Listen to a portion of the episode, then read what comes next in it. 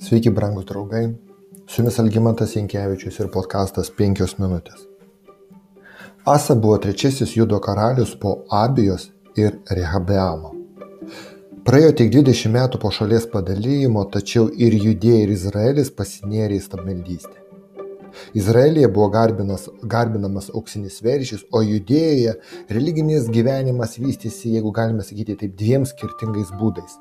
Dalis žmonių tarnavo viešpačiu ir buvo jam ištikimi, kita dalis kreipėsi į stabus. Karalius Asa buvo ištikimas viešpačiu, jis tapo, jis tapo pirmojų karaliumi, kuris įvykdė religinę reformą.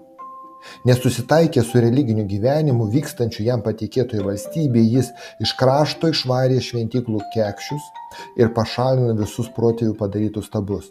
Be to jis pašalino savo motiną Maaką iš motinos karalienės vietos, nes ji buvo padariusi pasibjaurėtiną atvaizdą Ašerai. Asa nuvertė jos pasibjaurėtiną atvaizdą ir sudegino Kidrono slėnyje. Jis įsakė judų ieškoti viešpaties protėvių dievo ir laikytis įstatymo bei įsakymo. Jis pašalino ir iš visų judo miestų aukštumų alkus bei smilkalų altorius. Jam valda karalystė turėjo ramybę. Antra kronikų 14 skyrius. Asos tikėjimas pasireiškia ir mūšyje su žymiai pranašesnėmis priešo pajėgomis. Biblijoje sakoma, kad Kušitas Zerachas su milijoninė kariuomenė kariavo prieš judėją. Tada Asa šaukėsi viešpatį savo Dievo ir sakė viešpatį, nėra kito tokio kaip tu, kuris padėtų bejėgiams prieš galiūnus. Padėk mums viešpatį mūsų Dievę, nes mes tavimi pasitikime ir tavo vardu išėjome prieš šią minę. Viešpatė, tu mūsų Dievas, neleisk jokiam mirtigajam savęs nugalėti. Viešpas nugalėjo kušitus, išsirikiavusius prieš Ašą ir Judą. Kušitai bėgo. Be abejo, ta pati dvasia, kuri paskatino Dovydą kautis prieš Galijotą, dabar buvo su karaliumi Asa. Viešpats suteikė savo tautai nuostabią pergalę.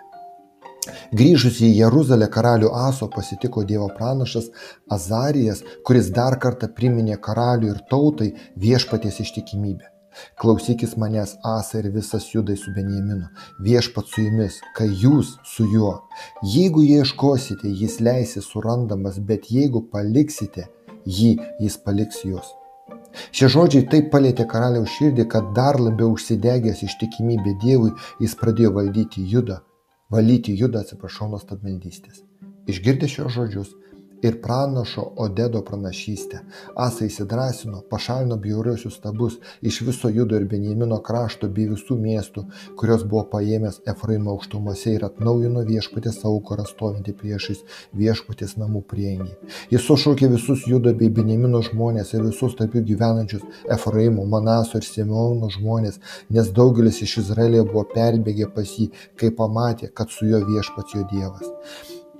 Jie susirinko į Jeruzalę 15 Asos karaliavimo metų trečią mėnesį ir paukojo tą dieną dalį parsinešto grobio - 700 jaučių ir 7 tūkstančius avių.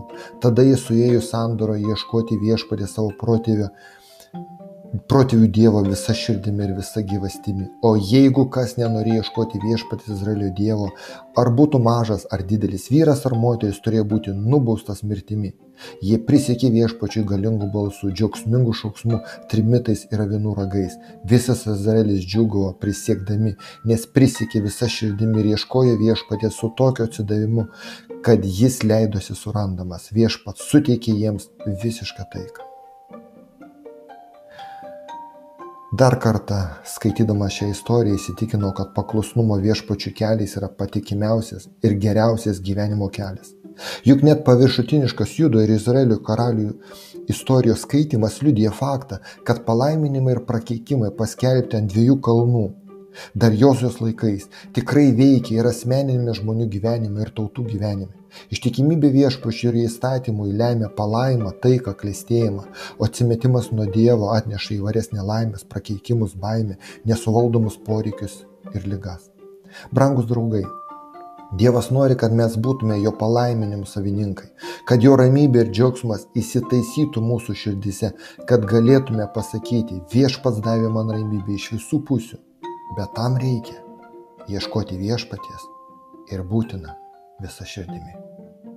Su jumis buvo penkios minutės ir Algymantas Pinkievičius.